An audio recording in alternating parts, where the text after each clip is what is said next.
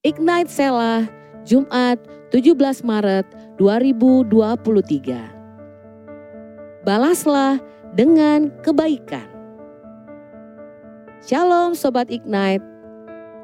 Hari-hari ini kita sering kali mendengar berita maraknya kekerasan yang terjadi di tengah anak-anak muda.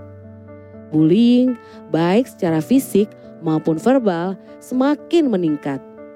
Bahkan sampai merenggut nyawa. Begitu mudah untuk marah dan membalas dendam. Mirisnya bahkan terjadi di sekolah. Kondisi ini begitu menyedihkan. Setiap manusia bisa marah.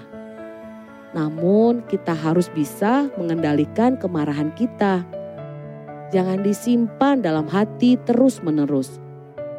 Namun harus segera ditinggalkan karena tidak akan membangun hidup kita. Firman Tuhan dalam Mazmur 37 ayat 8 menuliskan, berhentilah marah dan tinggalkanlah panas hati itu. Jangan marah, itu hanya membawa kepada kejahatan. Sobat Ignite, kita adalah terang dunia Tuhan rindu kita belajar untuk bisa mengendalikan kemarahan kita, bukan dikuasai oleh kemarahan. Ada banyak situasi yang mungkin bisa memancing kemarahan kita, namun kita mau sama-sama belajar untuk mengampuni, bahkan belajar membalasnya dengan kebaikan.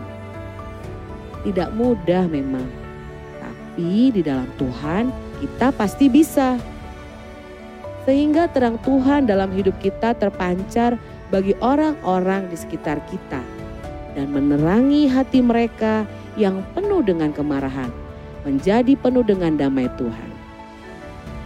Dalam firman Tuhan di Roma 12 ayat 17, janganlah membalas kejahatan dengan kejahatan. Lakukanlah apa yang baik bagi semua orang. Selamat beraktivitas Sobat Ignite Mari kita mulai hari ini dengan tersenyum. Tuhan Yesus memberkati.